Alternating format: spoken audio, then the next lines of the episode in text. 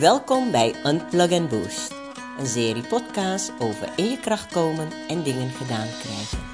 Net als een voedingsadapter je apparaat oplaadt, verbruikt het ook energie. Wordt het te heet, dan trek je de stekker eruit. Hetzelfde geldt ook voor ons als mens. Soms raken we oververhit of is die tank gewoon leeg. Dan is het tijd om te resetten of even weer frisse lucht happen. Dit is Arcia Doré en deze week gaan we het hebben over succesvol zijn. Wat betekent het nou? En wanneer ben je nou succesvol? Over dit onderwerp zijn enorm veel boeken geschreven, gepubliceerd. En nog zijn de meningen verdeeld over wat succes nu is. Ik geloof ook wel dat succes voor een ieder een eigen betekenis, definitie heeft. Voor de een is het heel veel geld hebben, rijk zijn. En een ander ziet succesvol zijn weerspiegeld in vele bezittingen, mooi huis, auto of een goede baan. Maar geven al die bezittingen dat blijvende, gelukzalige, succesvolle gevoel? Ik weet het niet. Voor mij is succesvol zijn zoveel meer dan het materiële. Ik ben erachter dat het voor mij uh, rust is. Rust kennen. Want voor mij geven dingen vergaren geen rust. Jaren geleden was ik ook erg koopziek. Ik verdiende goed, dus kocht de mooiste dingen. Kleding, Volgens mij heb ik nog steeds spullen in mijn huis die ik nog nooit gebruikt of gedragen heb. Maar het aanschaffen, dat gaf een goed gevoel. En dan is ineens je huis chockvol. En ga je nadenken dat het goede gevoel toch maar tijdelijk is. En daarmee ook dat gelukzalige gevoel. Want wanneer je huis vol is, ja, Waar moet je al die nieuwe dingen dan maar stoppen? Dus je gaat op zoek naar wat dat geluk en succes dan wel is. En wat doe je? Je laat een huis bouwen, kopen. En dan is het af. En iedereen denkt: wow, die heeft het goed voor elkaar. Dat aanzien, die erkenning, omringd door de zogenaamde vele vrienden, Betekent dat dan succesvol zijn? Heb ik nog steeds datzelfde level van geluk en blijft dat? Nee. Je realiseert je dat ook dat gevoel maar tijdelijk is. En is iemand die dat niet heeft, of minder bezittingen heeft, of echt arm is, is die, zijn die minder gelukkig? Volgens mij niet. Dus ook die regel van aanzien is het niet. En ik ging weer op zoek. En succes bleek voor mij veel meer dan dat aanzien. Het bleek voor mij mezelf leren kennen. En ik ging op zoek naar mezelf. Ik ging op gelddieet en ik speelde even miljonair. Het is eigenlijk een prachtig spel om te spelen. En te achterhalen wat je nu eigenlijk met een miljoen zou doen. Doe dat maar eens. Schrijf allemaal op wat je zou willen kopen. Uh, waar, je mee, waar je je eigenlijk mee zou bezighouden. Alles wat in je opkomt, schrijf het op als je een privéstrand op uh, Ibiza, of nee, Hawaii, zou willen kopen en de hele dag luieren en cocktails drinken. Zet het op het lijstje. Leg jezelf geen enkele beperking. Geld speelt geen rol, want je hebt natuurlijk een miljoen. Wees uitbundig. En als je de lijst af hebt, kies dan uit die lijst 10 dingen die je in dit leven echt belangrijk vindt om te doen, te hebben of te zijn. En als je dan op je sterfbed ligt en je terugkijkt op je leven, zijn dit dan ook de dingen waarvan je spijt gaat hebben als je ze niet hebt gedaan of niet hebt aangeschaft? Ik heb nog nooit van iemand gehoord die op zijn sterfbed zei: had ik maar die Lamborghini of die Rolex horloge gekocht. Meestal hebben we spijt van dingen die niet zijn gezegd of gedaan. Dat we iemand niet hebben vergeven, of geen tijd hebben besteed, of aandacht gegeven hebben aan de mensen waar we van houden.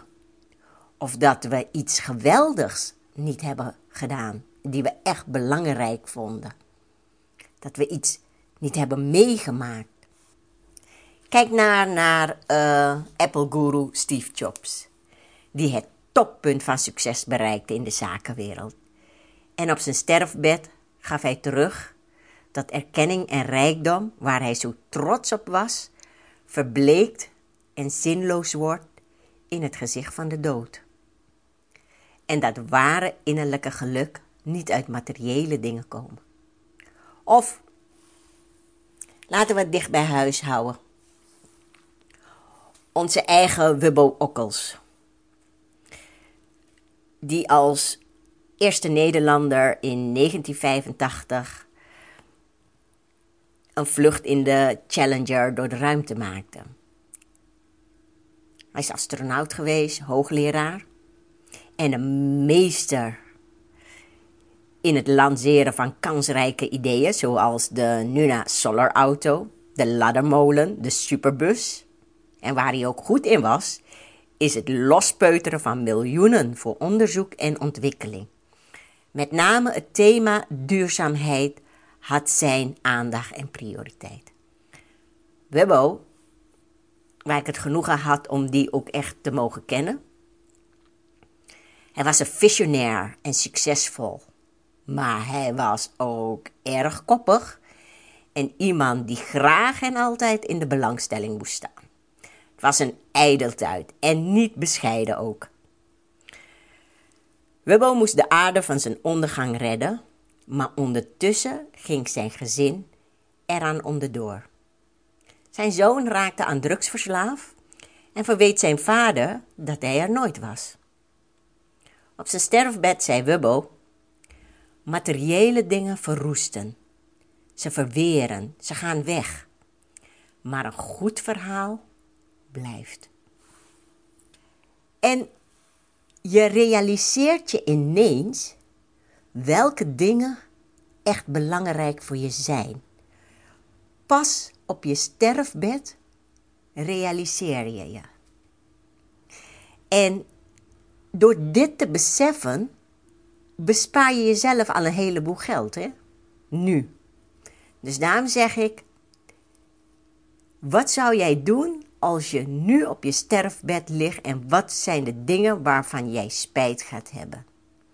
Als je dat realiseert, ga dan nu opnieuw kijken naar dat lijstje van je en zorg dus dat alle items die bucketlist die je straks overhoudt aan al je normen voldoen. En ik bedoel geen morele normen, maar wat jij in het leven echt belangrijk vindt, waardoor je jezelf beter gaat leren kennen. En nu je dan weet wat je werkelijk wilt, kies één doelstelling in je leven en begin daar vandaag nog aan te werken. Als je aan die doelstelling gaat werken, zal je zien dat die koopwoede ook minder en minder wordt. Je zin in winkelen verdwijnt vanzelf. En je ziet in dat geluk niet te koop is. Weet je dat onderzoek uitwijst dat hoe meer dingen, bezittingen we hebben, het niet alleen onbevredigend is, maar dat mensen voor wie dit een prioriteit in het leven is, veel meer geneigd zijn zich bezorgder en depressiever te voelen en over het algemeen minder gelukkig zijn. Hoe meer bevrediging we zoeken in materiële zaken, hoe minder we haar vinden De bevrediging heeft maar een kort, vluchtig half leven. Erachter komen wat mij drijft, wat ik in dit leven wil realiseren, heeft mij zoveel meer gegeven, maar vooral rust. En toen ik dit besefte, heb ik mijn ex het huis uitgewerkt. Begrijp me niet verkeerd hoor. We hebben goed en leuk huwelijk gehad, maar er zat geen energie meer in. En iets waar je geen energie van meer krijgt, moet je ook gewoon loslaten. Dus we zijn ook als goede vrienden uit elkaar gegaan. En daarna heb ik mijn baan, na 25 jaar, opgezegd. En ben dingen gaan doen waar ik blij van word. En daarmee ook mijn omgeving inspireren. Mensen coachen. Uh, bijzondere projecten uh, doen. En zinvolle organisaties creëren. Materiële doelstellingen loslaten en liever proberen betere relaties te vormen en een beter mens te worden. Is een inzicht wat vele malen meer voldoening geeft. Een of andere guru zei ooit: Geluk is een innerlijke staat. Het komt van binnenuit. Het is een gemoedstoestand. Het doel is dus niet verkrijgen, verzamelen van dingen, alhoewel daar niks verkeerd aan is. Het doel is het beheersen van je innerlijke wereld, het reguleren van je emoties om die innerlijke rust te vinden en om geluk te hebben. Dus werk eerst aan jezelf en vind de balans die het beste bij jou past. Ga op zoek naar die schatkist van innerlijke rust en wat het voor jou betekent om gelukkig te zijn. Dat is pas het bijzondere goud wat jou succesvol maakt. Want je kunt rijkdom en succes vergaren, maar het ook blijven is veel lastiger. Alles wat je hebt kun je ook heel snel en makkelijk kwijtraken, met name als je even niet oplet. Zorg dus dat je eerst gelukkig bent en je zal zien dat rijkdom en succes je makkelijker vindt en dat je ook veel beter omgaat met wat succes is. Dus ga geen dingen najagen, achtervolgen, maar ontwikkel in jou wat blijvend vreugde gaat geven. Hoop dat je weer voldoende brandstof hebt om dat vuur in je aan te wakkeren. En heb je behoefte aan even iets sterks? Check out mijn coachingpagina en bestel één van de Powerhouse-programma's. Zo voor nu, cheers! En vergeet niet om deze podcast te delen als het je heeft kunnen opnemen.